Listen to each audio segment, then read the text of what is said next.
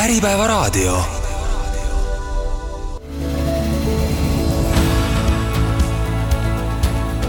juhtimisaudit.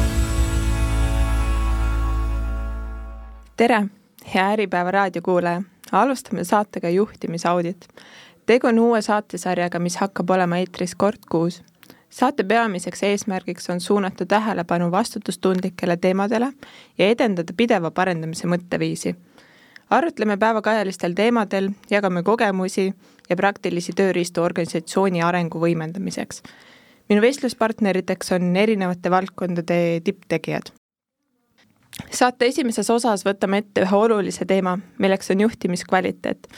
mõtestame lahti juhtimiskvaliteedi olemuse ja tähtsuse ning visioneerime ka tulevikusuundadel mina olen saatejuht Helen Klettenberg ja mul on hea meel tervitada oma esimest külalist, kelleks on pikaaegse kogemusega juhtimiskoach ja koolitaja Veiko Välkkäinen. tere, Veiko! tere, Helen, aitäh, et kutsusid! mul on ka hea meel. asume aga kohe teema kallale ja teeme põhitõed selgeks. Veiko, kui lihtsate sõnadega lahti mõtestada, siis mis see juhtimiskvaliteet üldse on ja miks see on ühele ettevõttele oluline? Jaa, no vaata, mul on ju endal äh, podcast, mille nimi on Juhtimiskvaliteet on konkurentsieelis.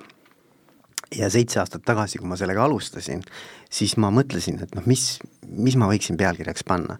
ja tol ajal nagu väga nagu sellist terminit nagu juhtimiskvaliteet ma nagu isegi ei mäleta, et oleks olnud äh,. aga mida ma nagu ise selle all mõtlen sest ega seda akadeemilises leksikonis ka liiga palju ei kasutata, et akadeemias on ikkagi rohkem nagu eestvedamine, noh, on ka juhtimine, aga juhtimiskvaliteeti, kui sa võtad nagu sõnaraamatuna lahti, siis sellist terminit ei eksisteeri. aga mida mina ise mõtlen, on see, et et juhtimiskvaliteet tähendab minu jaoks seda, et, et kes iganes siis selle meeskonna või selle organisatsiooni eesotsas on ja mis iganes ta seal siis oma praktikatega teeb, et see kuidagimoodi aitab aitab selle meeskonna või ettevõtte eesmärkidele kaasa sellisel moel, et ta mitte ainult ei too ära need eesmärgid, mis siis võib-olla nõukogu poolt on ette seatud või, või mis on nii-öelda nagu äh, finantsmõõdikutena äh, endale eesmärgiks seatud, vaid et ta tegelikult aitab kaasa nii töötajate heaolule kui ka klientide elukvaliteedi parandamisele sellisel moel, et see oleks nagu jätkusuutlik ehk et kõik osapooled, ma arvan, ka ühiskond, eks ole, et noh, sa ütlesid ka, jätkusuutlikkus on üks teema, mida sa tahad siin käsitleda, et ma arvan, et kõik stakeholder'id, kes on seotud siis äh, selle tegevusega, et noh, juhtimiskvaliteet tähendab seda, et et mõnes mõttes, et võib-olla isegi on võimalik neid kõiki niimoodi äh, toetada, et nad üksteist võimendavad. et, et ei ole nii, et on zero sum game, et, et noh, et keegi peab kaotama, et noh, et ütleme, et kui me äh, kliendi rahulolu tõstame, et siis töötajate rahulolu peaks vähenema või vastupidi, et ma arvan, et on võimalik leida juhtimise mudel, kus kõik osapooled, kes on seotud äh,, võidavad. et võib-olla see on nagu see juhtimiskvaliteedi olemus minu jaoks jaa, Veiko, ma arvan, et see on päris hästi lahti mõtestatud ja seega juhtimiskvaliteet, see tundub olevat üks oluline organisatsiooni arengu alustala mm,. ma, ma absoluutselt, ma olen sinuga sada protsenti nõus. ja mm, nüüd, kui me mõistame, mis see juhtimiskvaliteet on, miks see on oluline, äh, lähme teemasse veidi rohkem sügavale sisse Äh, kui me räägime juhtimiskvaliteedist laiemalt, siis ähm, millised on need olulised elemendid või aspektid, mis moodustavad hea juhtimiskvaliteedi?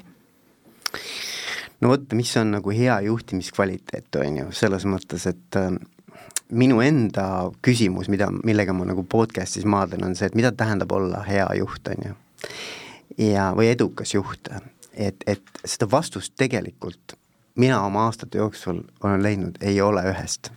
et seda valemit ei ole, seda kuldvalemit ei ole, et, et, et tegelikult on niimoodi, et iga ähm, edukas juht toob mingisuguse oma sellise käekirja äh,, mis on ta suutnud siis vastavalt just selles organisatsioonis, sellel arengustaadiumil olevas organisatsioonis, selle meeskonnaga nagu niimoodi kõlama panna, et ta siis toob need parimad tulemused, on ju.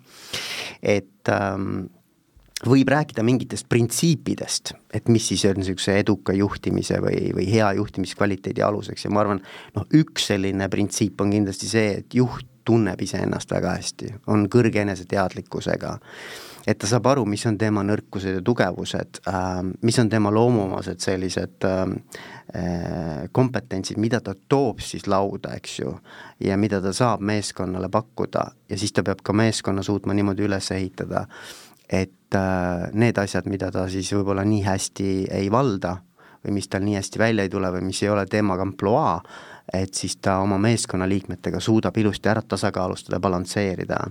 et ma arvan, et niisugune nagu, nagu juhi tunnetus ähm, iseendast ja oma mõjust meeskonnale, organisatsioonile laiemalt, et see võib-olla on nagu üks kõige-kõige fundamentaalsem tala sellele. ja seal on palju asju tegelikult aga ma arvan, et sellest algab kõik pihta. olen täitsa nõus. seega tegelikult seal me võime lisada sellised äh, täiesti tavalised elemendid nagu näiteks äh, selge strateegia eesmärgid, mis äh, kindlasti peaksid olema olemas, läbipaistvad juhtimisprotsessid, siis juhtimiskultuur, kultuurist me ei saa kuidagi mööda vaadata, töötajaid sa juba mainisid, töötajate kaasamine, nende arendamine, oskus nendega teadlikult tegeleda muidugi innovatsioon, parendamine, selle rahuloluga tegelemine, sisemine, väline rahulolu ja kõik muu selline. Äh, Veiko, kuidas sa tunned, äh, millises seisus on meie ettevõtete juhtimiskvaliteet täna? oled sa mingisuguseid erilisi trende tajunud? jälle noh, ma ütlen, et, et see on niisugune haigla keskmise temperatuuri mõõtmine. et noh, see on väga erinev, eks ole, et me võime rääkida, et Eesti juhtimiskultuur, noh tegelikult niisugust asja ei eksisteeri, ei ole olemas sellist asja. aga, aga mis on trendid nagu, ma, ma arvan, et mõned trendid saab nagu välja tuua, üks on kindlasti see, et kuna maailm on muutunud niivõrd ebaennustatavaks või vähem etteennustatavaks, ebamäärasust on nii palju, muutused on nii kiired äh,, infot on tohutu hulk, eks ju äh,, et siis mis nagu selgelt välja joonistub, on see, et ettevõttes peab rohkem minema vastutus nii-öelda siis esmatasandi rollitäitjatele. ehk et nemad näevad päriselt, kuidas turul asjad toimivad ja nad saavad teha ka vastavalt neid muutusi võimalikult kiiresti oma äh, parimast äranägemisest lähtuvalt. ehk et ei ole sellist võib-olla traditsioonilist niisugust nagu tsentraalset hierarhiat enam äh, nii palju, et, et üha rohkem muututakse sellise isejuhtivuse poole, ehk et äh, ma arvan, et äh, meeskonnad saavad rohkem ja rohkem vastutust ise otsustada paljude teemade üle. et ma arvan, et see on üks asi, et, et juhid ei suuda kõike ise tegelikult otsustada ja nad peavad andma selle vastutusõiguse alla äh, võimalikult nii-öelda rohujuure tasandile. ma arvan, et see on üks asi, mis, mida ma nagu tähele panen, on ju. ja see tuli tegelikult pandeemiaga ka väga selgelt välja. et kui ennem oli see tunne, et noh, et, et ma kontrollin inimesi siis, kui nad on mul ümberringi füüsiliselt nähtavad, on ju, mis on illusioon tegelikult, eks ju aga nüüd sa pidid kuidagi juhina hakkama saama sellega, et sa ei näe neid iga päev. sa ei näe neid inimesi, sa pead usaldama, et töö saab ikka tehtud. ja ma arvan, et see oli nagu väga suur nagu murrang ka paljude juhtide sellises meelelaadis ja, ja nagu nägemuses, et mismoodi see juhtimine peaks käima. ja kui see usaldus siis tekkis, et tõepoolest asjad saavad ikkagi tehtud ka sellisel moel, hübriidtöö äh, nii-öelda vormis, et siis tegelikult sealt tekib juba järgmine küsimus, et kui palju seda juhtimist üleüldse sellisel mikromanageerimise tasandil vaja on, eks ole. et ma arvan, et see on üks trend, on ju teine trend on kindlasti äh, kõikvõimalikud igasugused automatiseerimised, äh, tehnoloogilised uuendused, IT, kõik see, mis peale tuleb, on ju, ai, mis on hästi tugev teema praegu, ma arvan, et see mõjutab meid väga-väga palju, et noh, et niisugust nagu tarkvaralist võimekust tuua nagu juhtimisse, ma arvan, et see on võimas, võimas muutus, mis praegu samamoodi toimub. ja siis on igasugused mitmekesisuse teemad ma arvan, samamoodi tuleb peale ja siis on see jätkusuutlikkuse teema, eks ju, kestlikkuse teema. Äh, et noh, need on need trendid, ma arvan, mis, mis praegu välja joonistuvad ja ma olen sinuga täiesti nõus ja just selle viimase osaga, et see vastutustundlik ettevõtlus, et see hakkab ka aina rohkem pilti tulema. no sellest me jõuame varsti natuke lähemalt veel ja. rääkida ehk siis ähm, ma saan aru, et äh, juhtimiskvaliteet äh, tegelikult ongi mitmekülgne kontseptsioon, mis äh, hõlmab endas nii traditsioonilisi juhtimispraktikaid kui ka siis neid uusi suundumusi, trende, mis sa välja tõid. ja sõltub suuresti ka organisatsiooni äh, tõekspidamistest, kultuurist äh, ja ka juhi enda väärtuspõhimõtetest rääkides sellest juhtimiskvaliteedist, äh, siis sa juba mainisid ka siin nii-öelda kultuuri ja töötajate nii-öelda vastutustunnet, siis Veiko, too palun mõni hea näide, kuidas see juhtimiskvaliteet mõjutab organisatsiooni kultuuri no ütleme niimoodi, et, et kõik algab, kui me räägime kultuurist, eks ole, siis ma arvan, et kõik algab pihta asutajatest. Need, kes on nii-öelda selle organisatsioonile pannud äh, vundamendi alla, on ühel hetkel tulnud sellele ideele, et vot me võiksime maailma parandada selle konkreetse teenuse või tootega ja siis needsamad founder'id, kes iganes nad siis on, et nad toovad tegelikult ju oma nägemuse ja oma viisi, kuidas nad siis neid teenuseid, tooteid ellu kutsuvad äh,, ka oma tegevusse, juhtimispraktikatesse. Ja see hakkab mõjutama kõike, mis edaspidi toimub organisatsioonis, loomulikult siis tulevad uued inimesed, eks ole nemad toovad mingisuguseid oma mõjutusi sinna sisse, aga ma arvan, et noh, et, et kui hakata nagu kõigepealt nagu kraapima, et kust tekib nagu üleüldse näiteks organisatsiooni kultuur, siis ma arvan, et see on hästi palju seotud ikkagi nagu äh, sellise asutaja seltskonnaga ja et mida nemad nagu on pidanud kõige olulisemaks, sest et nemad pea selle järgi ka otsivad endale ju järeltulijaid ja nii-öelda meeskonnakaaslasi. et kui keegi on siis lõpuks nii-öelda läinud nagu omaniku staatusesse tegevjuhtimisest välja, siis paratamatult ta ikkagi valib ju endale sinna äh, nii-öelda juhiks inimese, kes võiks kanda neid samu väärtusi, kes võiks kanda sedasama mentaliteeti äh, edasi, nii et, et ma arvan, et see organisatsiooni kultuuri kõige esimene nii-öelda äh, nagu idu tuleb ikkagi asutajatest ehk see hakkab ikkagi ülevalt pihta ja siis kandub justkui allapoole. ja, ja, ja, ja, ja, ja ma arvan, et loomulikult, et kui tuleb turul näiteks mingisugused väga olulised äh, mõjurid või, või on näiteks mingisugune äh, väga suur selline äh, kriis, et siis need asjad võivad äh, muutuda ja radikaalselt muutuda, eks ju.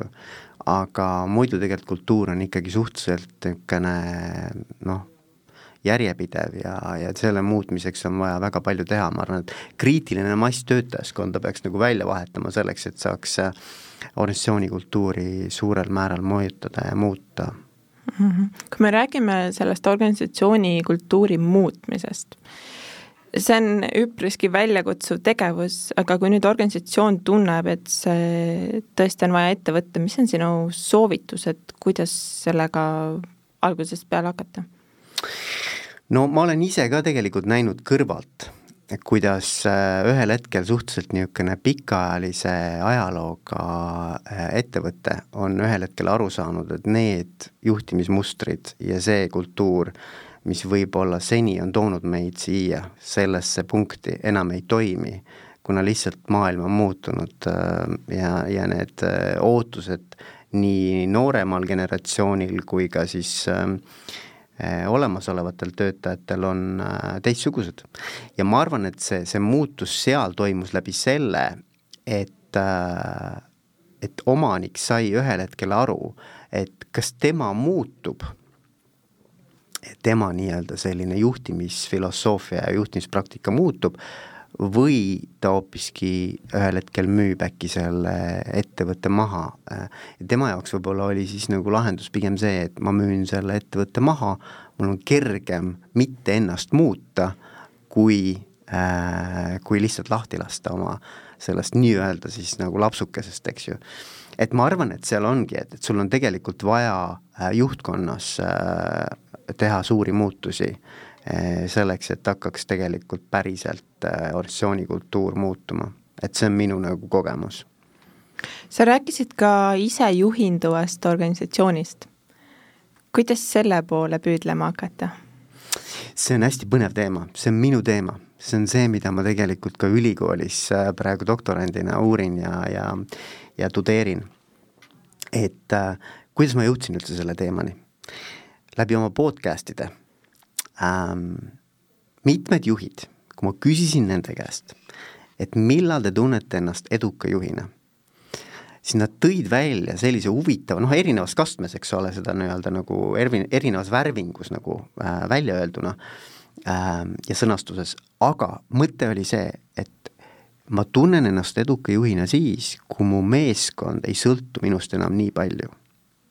Mis on nagu väga huvitav mõte, et, et kuidagi nagu, et kuidas meeskonna iseseisvust kasvatada, et ma ei peaks olema nagu selline nii-öelda mm, äh, noh, nagu sõltuv lüli selles, et, et meeskond saaks toimida, et et mulle meeldiks näiteks, ma lähen kolmeks kuuks Vahemerele, on ju, laevaga, jahiga äh, elu nautima, siis ma tean, et asjad toimivad. Et ma ei pea muretsema.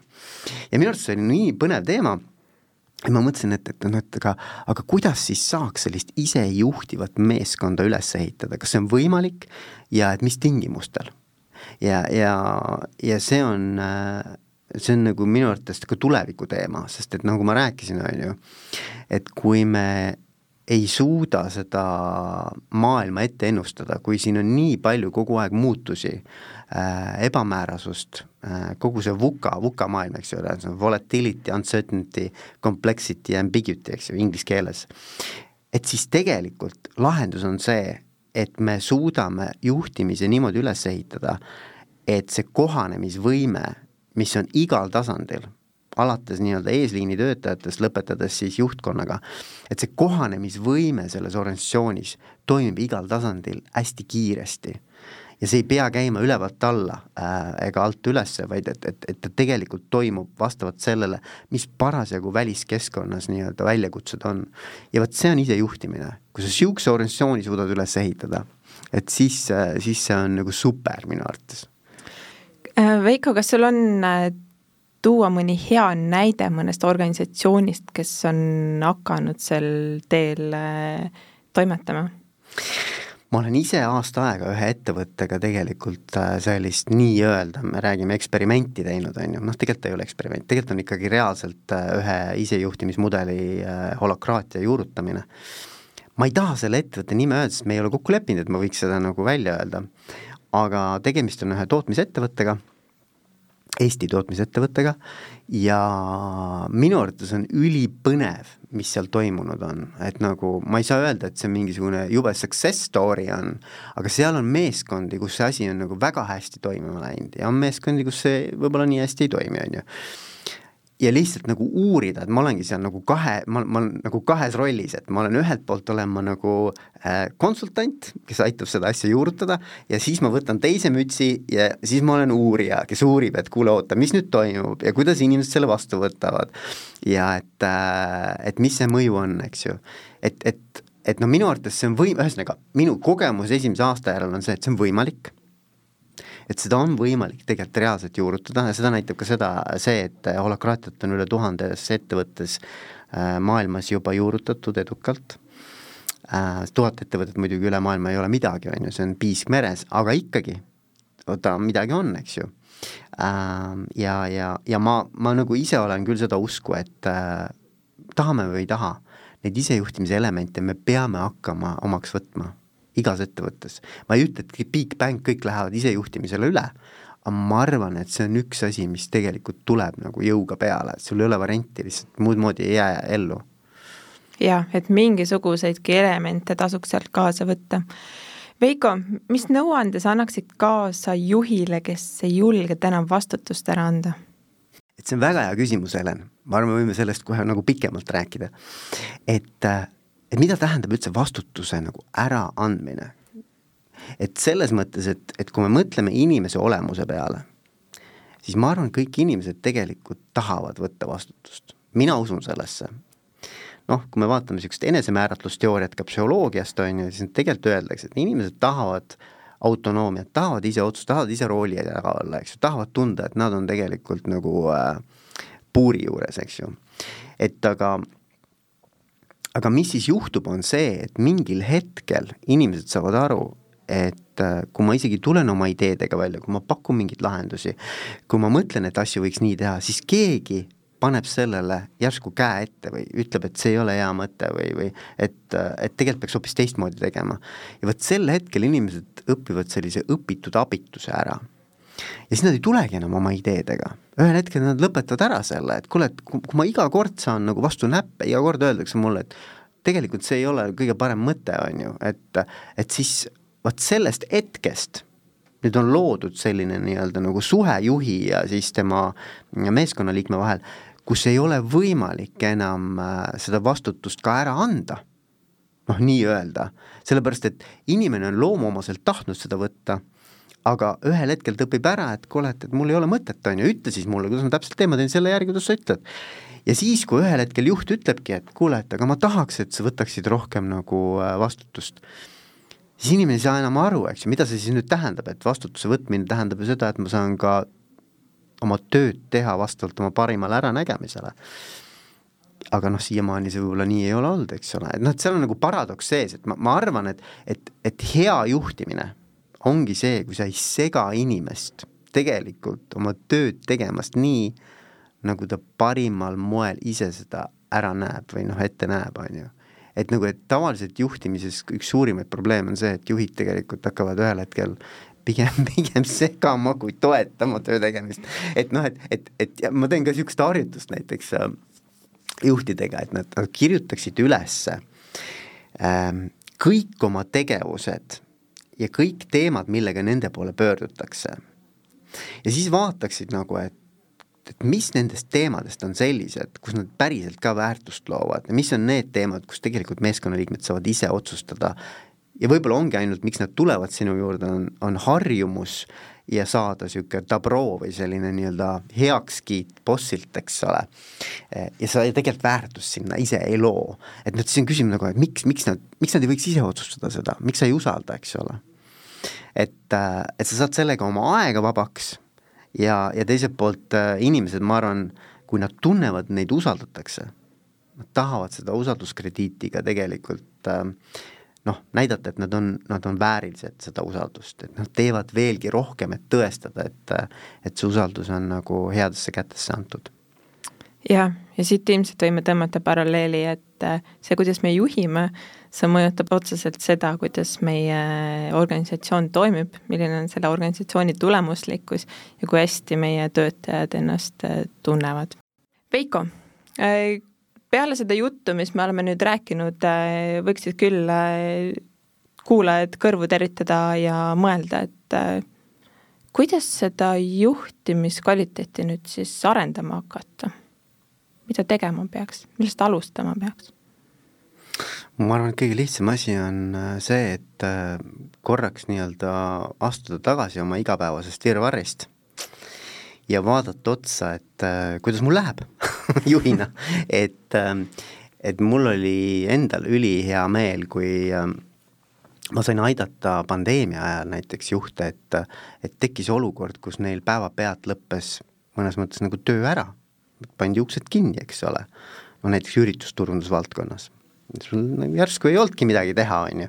sa oled aastakümneid teinud ühtemoodi asja, sa ei ole kunagi võtnud seda aega, et tulla välja sellest igapäeva nii-öelda rutiinist, ja ühel hetkel tekkis siis inimestel, kes selles valdkonnas olid nagu noh, mitte ainult selles valdkonnas, aga no ütleme, et sealhulgas selles valdkonnas, küsimus, et kui nüüd isegi ühel hetkel jälle tuleb tagasi see periood, kui ma saan hakata jälle samamoodi tööd edasi tegema selles valdkonnas, et kas ma teeksin samamoodi, kas ma üldse tahan seda asja teha võib-olla ma tahan elus veel midagi teha, ühesõnaga, et, et, et mida ma tahan öelda, et, et niisugune nagu paus või selline mm, nagu enesereflektsiooni aeg on nagu hea võtta ja, ja ma arvan, et selle juhtimise ja juhtimiskvaliteedi arendamise eeldus on see, et sa ise saad aru, et tegelikult midagi peaks muutuma. et sellel hetkel, kui see tekib, see tunne, et ma tahaks tegelikult olla parem juht või ma tahaks oma juhtimispraktikas mingit muutust, siis on, ma arvan, nagu noh, suur, suur tõenäosus, et see arendamine ja areng ka toimub.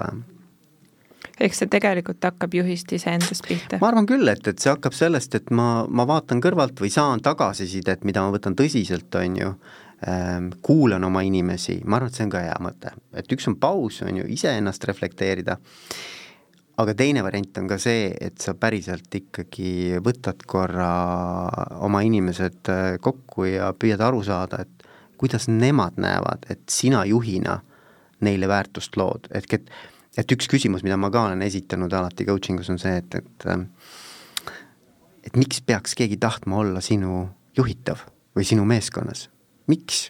Et kui, kas sul on hea vastus sellele, kui sul ei ole, mine, mine siis püüa korra rääkida oma inimestega, et miks nemad äh, on selles meeskonnas või, või kas nad üldse tahavad sind sinna meeskonnajuhiks.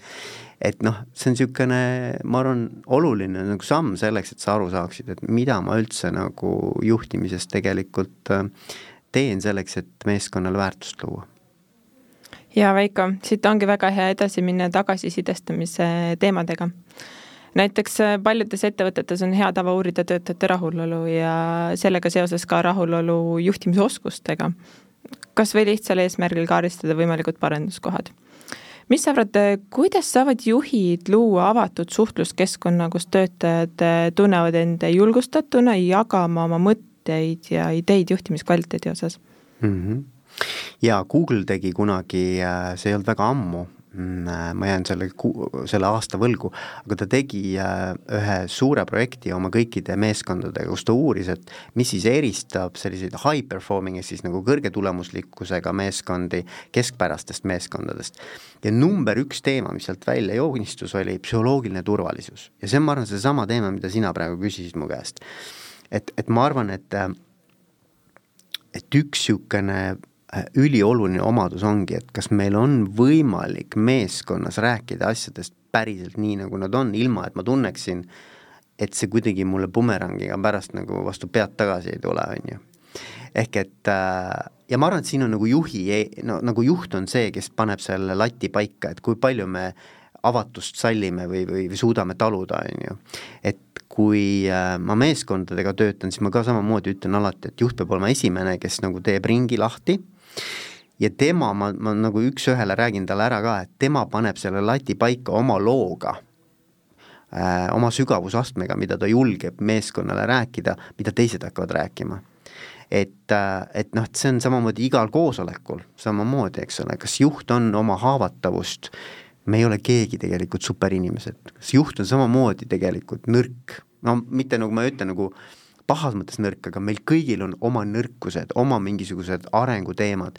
Et kui juht avalikult suudab seda nagu välja öelda, suudab seda tegelikult äh, äh, arutada oma meeskonnaga, siis tegelikult on ka meeskonnaliikmed valmis palju rohkem ise avalikult ja avatult äh, teemasid avama on sul mõni hea soovitus, milliseid vahendeid või tööriistu võiks kasutada, et seda usaldustunnet suurendada? üks äh, väga äge äh, tegelane, kelle raamatut ma soovitan lugeda, kes on ka tegelikult eesti keelde tõlgitud, on Patrick Lencioni, ta oli nüüd Nordic Business Forumil ka, ma käisin seal teda kuulamas, ta on väga, väga äge tüüp, raamat, mis on eesti keelde tõlgitud, on viis põhjust, miks meeskonnad ei toimi. Five dysfunctions of a team on vist inglise keeles, aga eesti keeles on viis põhjust, miks meeskonnad ei toimi. ja seal on tal mudel, mille alus ongi tegelikult usaldus. Ja, ja minu arvates ta päris hästi nagu seletab lahti ja annab juhised, et kuidas sa saaksid selle teemaga tegeleda. kui keegi tahab nagu spetsiifiliselt sellega oma meeskonnaga tegeleda, siis ma arvan, et et on, on neid äh, konsultante, koolitajaid küll, kes sellega samamoodi on võimeline, võimelised neid aitama, aga ma arvan, et see see algus on selles, et üleüldse ma panen tähele, saan aru, et usaldus on midagi, mis on tegelikult majanduslikult ka nagu mõõdetav. et, et äh, kõrge usaldus tähendab seda, et äh, me saame üksteisest paremini aru, meil ei ole vaja tegelikult pidevalt üksteile tõestada, et noh, et, et ma teen õiget asja või et äh, et see minu viis või minu, minu lahendus nagu toimib, on ju, et, et me tegelikult nagu mõistame poolelt sõnalt üksteist. ma arvan, et see on nagu niisugune infovahetuse ja, ja tõlgendamise äh, vähend-, vähe, ütleme, infokiirus ja tõlgendamise vajaduse vähene, vähesus, ma arvan, mis on usaldusega kaasneb, on ju. teine asi on see, et, äh, et siis ju kulud ka vähenevad kui me saame asju kiiremini kokku leppida, kui me üksteist usaldame, noh siis tegelikult äh, meil läheb vähem aega ka selle peale, energiat, on ju ehk et äh, usaldusega saab tegeleda ja sellel on väga selge majanduslik mõõde. Veiko, sa rääkisid juba ka koolitamisest. sa oled ka ise koolitaja. seega on sul kindlasti hea vastus sellele, et äh, millised on üldse tõhusad viisid juhtide ja töötajate juhtimiskvaliteedi alaseks koolitamiseks, kuidas peaks lähenema? Jällegi ma ütlen, et see on niisugune, et mis on armastusküsimus, on ju, et selles mõttes, et äh, noh, koolitus on, mina, mina ikkagi loon koolitusi nagu paljuski rätseptööna.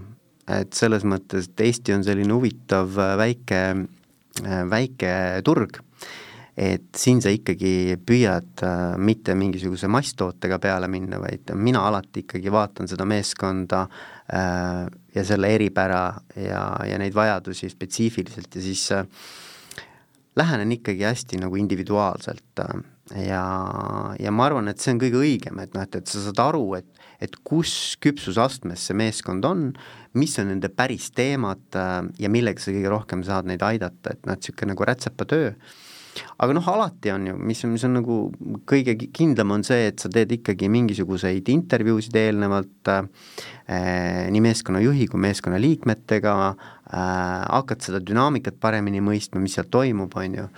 Kui me räägime siis usalduse töötubadest, mida ma ka teen näiteks, et noh, siis väga selgelt on vaja aru saada, eks ju, et noh, et, et et mis on need nii-öelda takistused või mis võivad olla need pudelikaelad, mis seal üles võivad kerkida. äh,, ühesõnaga, ma arvan, eeltöö on väga oluline ja siis muidugi järeltöö ka.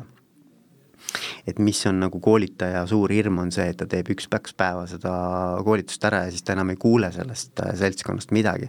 Et noh, mulle ikkagi alati meeldib see, et ma saan äh, mingisuguse aja tagant teha nagu äh, follow-up'i ja aru saada, et isegi pakun tegelikult individuaalseid coaching uid veel järeltööna, et noh, et, et oleks võimalik nagu hoida kätt pulsil, et kuidas asjad edenevad pärast koolitust, on ju jaa, see on väga hea mõte, et koolitaja töö ei ole tegelikult lihtsalt see koolitus läbi viia, vaid ka veenduda, et sellest koolitusest on päriselt kasu olnud ja seda meeskonda edaspidiselt ka toetada ehk siis äh, ikkagi väga oluliseks võtmesõnaks on äh, individuaalne lähenemine ja spetsiaalselt disainitud arenguprogrammid. Veiko, me rääkisime põgusalt ka sellest, et mis üldse on hea juhtimiskvaliteet. Kas juhtimiskvaliteeti on üldse võimalik objektiivselt hinnata? ma olen, ma olen täna näiteks, ma olen Pare sellises töögrupis. Pare on siis personalijuhtimise ühing, eks ju, Eestis ja selle töörühma nimi on siis, ongi juhtimiskvaliteedi töörühm, mille eesmärgiks on defineerida ära, mida tähendab siis hea juhtimine ja seda mõõta siis üle Eesti. hakata isegi võib-olla välja andma mingit hea juhtimise või ehm, hea juhtimiskvaliteedi märgist või mis iganes, ühesõnaga niisugused mõtted, eks. ja mina ikkagi väga põrkun selle mõttega, et kuidas sul on võimalik öelda, olenemata selle ettevõtte ja organisatsiooni eripäradest, et mis selle konkreetse organisatsiooni jaoks hea juhtimine on. et see on väga, ma arvan, et see on nagu väga libe tee, üks viis, kuidas ma näen, kuidas seda saab teha, on see, et sa tegelikult lähened äh, äh soovitusindeksi metoodikaga. ehk et sa küsid tegelikult inimeste käest, et kas sa soovitaksid siis kes iganes sinu otsene juht on, eks ole, kas sa soovitaksid oma sõpradele, tuttavatele äh,, kolleegidele selle juhi meeskonnas töötamist? ma arvan, et see on nagu hea küsimus. ta võtab ära vaata selle, et, et, et sa pead teadma, mis see kontekst on, et konteksti annab see töötaja, kes vastab, on ju. Ehm, aga noh, see on nagu, ma arvan, et see ongi nagu põhimõtteliselt ainuke viis, kuidas ma näen, et seda saaks nagu objektiivselt või noh, nii, niivõrd-kuivõrd objektiivselt mõõta, on ju. siis saad küsida alati, et aga miks sa sellise, sellise nii-öelda vastuse või sellise hinnangu andsid, too välja siis need ehm, nii-öelda tugevused ja, ja siis võib-olla need arengukohad, eks ole, ja siis saad ka teha niisuguse kvalitatiivse pildi sellest, et mis siis selle, selles organisatsioonis, selles konkreetses äh, kontekstis nagu, mis need teemad on ja et tegelikult äh, peale vaadates ei olegi võimalik öelda, et kas siin nüüd on hea juhtimiskvaliteet, on halb juhtimiskvaliteet, mingid indikatsioonid ilmselt võivad kuskilt tulla no,. Et... just, et noh, et aga kõik oleneb ju kontekstist just. ja keskkonnast ja oleneb sellest, kui suur see ettevõte, oleneb, mis tegevusvaldkonnas ta on, oleneb, mis arengustaadiumil see ettevõte on ähm,, mis on selle inimese taust, kes vastab, kas sa küsid seda ma ei tea, küsid sa seda näiteks, äh, ma ei tea, eesliini töötajalt, küsid sa seda esmatasandi juhilt, küsid seda tippjuhilt, noh ühesõnaga see kõik oleneb tegelikult ja seda ei saa võtta mingisuguses universaalses küsitluses nagu arvesse. Et selles mõttes ma nagu ise olen hästi seda meelt, et sa pead andma inimestele oma perspektiivist vastamise võimaluse, ilma et sa defineeriksid eelnevalt nagu kompetentsimudeli, noh vaata kunagi olid hästi popid olid juhtimiskompetentsi mudelid, võib-olla täna ka, on ju. ma kunagi tegin ise ka neid, vorpisin oh, et teeme juhtimise mudeli, et noh, milline siis peab ideaalne juht välja nägema. siis oli niisugune noh, šabloon, millest siis kõik juhid pidid läbi minema niimoodi, et noh, kui sealt ei mahtunud läbi, järelikult halb juht, on ju. et siis hakkame sind kuidagi nii-öelda nagu väänama ja, ja puurima ja, ja lihvima, eks. aga ma ei usu enam sellesse nii palju. ma arvan, et see, see on, ma arvan, et sa ei saa nagu öelda seda. et ei ole võimalik niisugust nagu mudelit üles ehitada, ilma et sa teeksid noh, kellelegi liiga, ma arvan jaa, see on hea mõte, sest juhtimiskvaliteet tegelikult see ei olegi staatiline ja see on pidevalt ajas muutuv. absoluutselt. jah, täpselt ehm,. ehk siis äh, esimene tagasiside võiks tulla ikkagi organisatsioonist seest, oma töötajatelt, oma alluvatelt. aga kui nüüd äh, juht tahaks äh, iseennast hinnata, kas on mõningaid häid enesehindamistööriistu, mida ta võiks kasutada? Noh, iseennast hinnata, ma, ma võin öelda, et juhid on väga halvad iseenda hindamisel. E, oli isegi mingi uuring, ma jään jällegi referentsi või sellise nagu äh, selle konkreetse numbri jään võlgu, aga seal oli umbes mingi niisugune äh, suhe oli, et et üheksakümmend protsenti juhtidest arvas, et nad on top kahekümne viie protsendi juhtide seas, noh statistiliselt lihtsalt ei ole võimalik. et sa mõtle nüüd, et nagu, et üheksa juhti kümnest ütlevad kõik, et nad on nagu ülemises kvartiilis oma juhtimiskvaliteedi mõttes, ei ole võimalik, eks ole. ehk et see näitab seda, et me oleme väga halvad tegelikult, me isegi ülehindame ennast natukene, on ju, me oleme halvad ähm, äh,, halvad nii-öelda nagu enesehinnangu äh, andjad objektiivselt. mis tähendab seda, et ikkagi mina soovitan võtta inimestelt, kes sind tunnevad ja keda sa usaldad ja keda sa tead, et on julgevad ka sulle tagasisidet anda. ja see ei pea olema meeskonnas ainult, see võib olla ka tegelikult partnerid, on ju, üle ettevõtte, võib olla ka kliendid, kes iganes nii-öelda sind näevad igapäevaselt, kellega sa koos töötad ähm,, kodus ka, miks mitte, oma mehelt või naiselt, lastelt, nad on väga ausad, ma võin öelda küsida, et äh, mis on minu need kõige olulisemad äh, tugevused ja mis on need asjad võib-olla, mis noh, tekitavad pigem nagu ma ei tea, mingeid hõõrumisi, mingeid arusaamatusi, mingisuguseid vajakajäämisi, et ma arvan, et, et see tagasiside ja noh, siis on see küsimus just, et noh, et, et sa, et sa ka päriselt nagu püüad aru saada, et aga mida ma siis nagu peaksin tegema selleks, et äh, saaksin paremaks juhiks. ehk et tagasiside, ma arvan, et ikkagi ümberringi ja erinevatelt inimestelt, eks ole. ja, ja need on väga head mõtted ja kui siit äh, nüüd mõni juht tunneb, et ähm, mul tõesti on külgi, mis vajaksid arendamist, siis äh, mis ta võiks edasi teha? tule coaching usse ei, ei, ilma naljata. ma, ma arvan, et see ei ole paha mõte, et ähm, et, et tegelikult jah, et leida endale inimene, see ei pea tegelikult olema coach, see võib olla ükskõik kes, on ju, kes sulle päriselt annab nagu ausalt nagu peegeldab vastu, et kuule, et ähm, et mismoodi ma nagu tunnen sinuga koos olles. Ja noh, ma coach'ina ka alati ütlen, et, et minu tööriist on see, et äh, kui me näiteks sinuga praegu, Helen, siin oleme, ütleme, et meil oleks näiteks coaching'u sessioon, siis minu jaoks on väga suur äh, nagu info see, et mida mina tunnen sinuga siin olles. ja ilmselt need inimesed, kes sinu igapäevaselt koos töötavad, tunnevad midagi sarnast. et see suhe on nagu hästi oluline äh, nagu infoallikas ja, ja just nimelt, et noh, et, et juhid tavaliselt ei suuda tegelikult ise seda tajuda, oma mõju teistele. ja selle peegeldamine neile ja siis selle pealt nii-öelda paremate valikute tegemine igapäevaselt oma juhtimispraktikas, ma arvan, et see on see, mida sa saad teha. ja see ei pea olema coach, see ei pea olema keegi väga nii-öelda haritud, tark, keegi mingi äh, professionaal, vaid see võib olla ka tegelikult väga hea sõber, on ju. aga noh, et üldse need teemad sellele läheksid, ma arvan, et selleks sa pead nagu ise sa pead ise juhtohjad võtma, on ju. jah, ja rääkides siis justkui sellest heast juhtimiskvaliteedist, eh, hea juhtimiskvaliteedi üheks fookuseks kindlasti on arengule ja kasvule suuna seadmine, et sellest me mööda ei saa vaadata. kuidas võib eh, juhtimiskvaliteet innustada innovatsiooni organisatsioonis?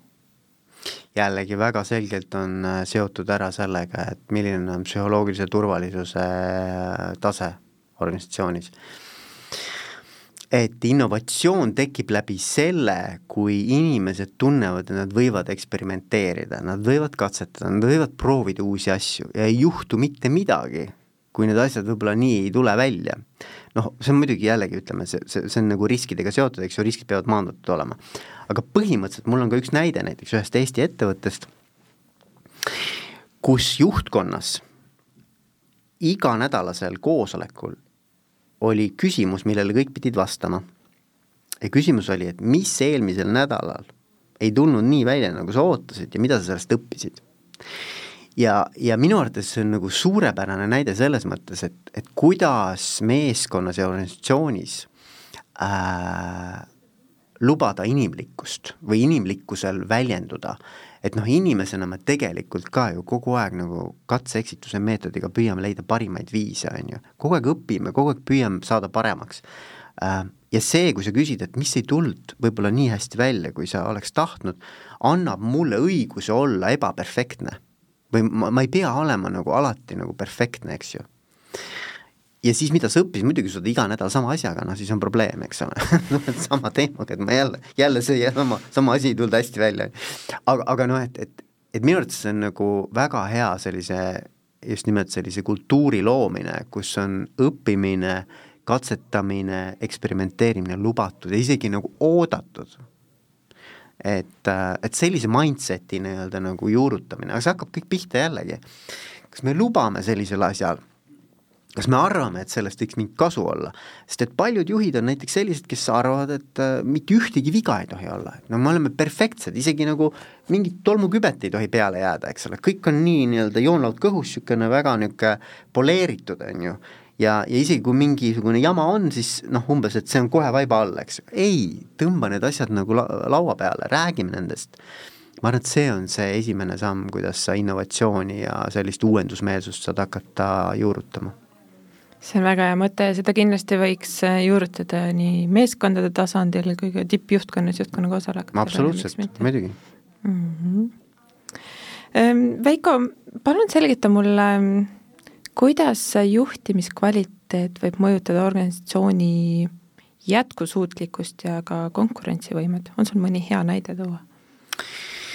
Jätkusuutlikkus on äh, selline huvitav teema ja kogu see nii-öelda kestlikkus ja rohepööre, kliimaneutraalsus, äh, minuni on need teemad nagu hiljuti alles jõudnud, ma ei ole nagu liiga palju nendele tähelepanu pööranud ähm,, aga mul oli eelmine poolaasta oli küll nagu päris palju sellega kokkupuudet ähm, ja minu arvates üks väga-väga suur selline edufaktor selle asja juures saab olema see, et kas kõik inimesed, noh, mitte kõik, ütleme, enamus inimesi kollektiivselt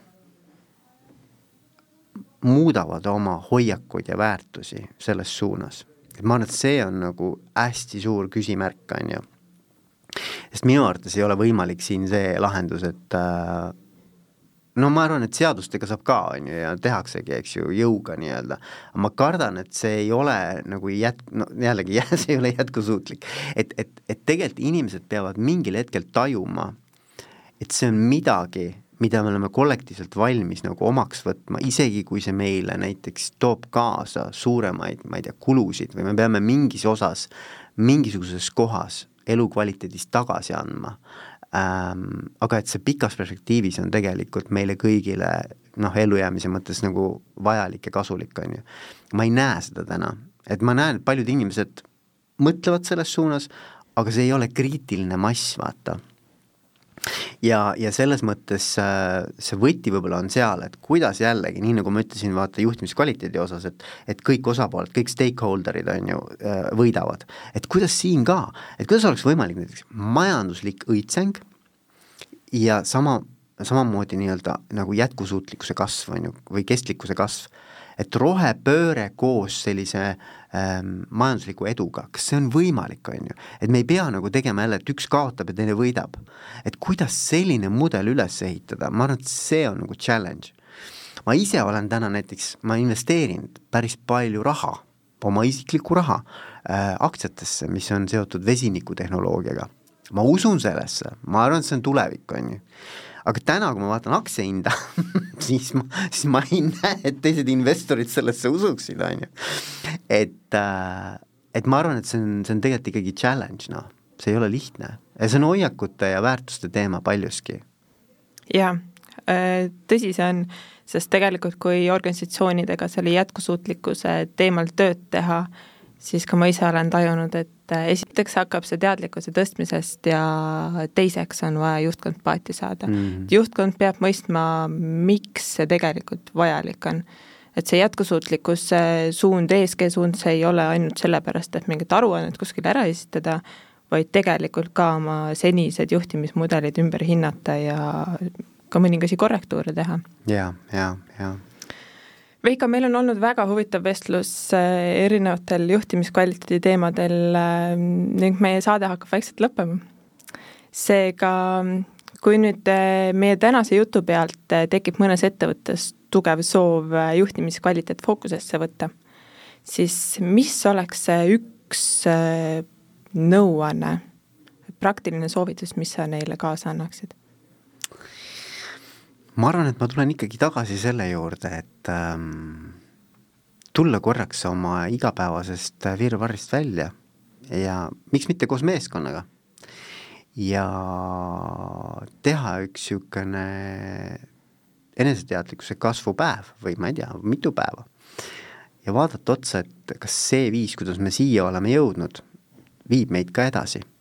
ja et võib-olla on midagi, mida me saame tegelikult teha teistmoodi ja paremini niisugune soovitus oleks mul. aitäh, Veiko, selle mõttega on tõesti hea lõpetada.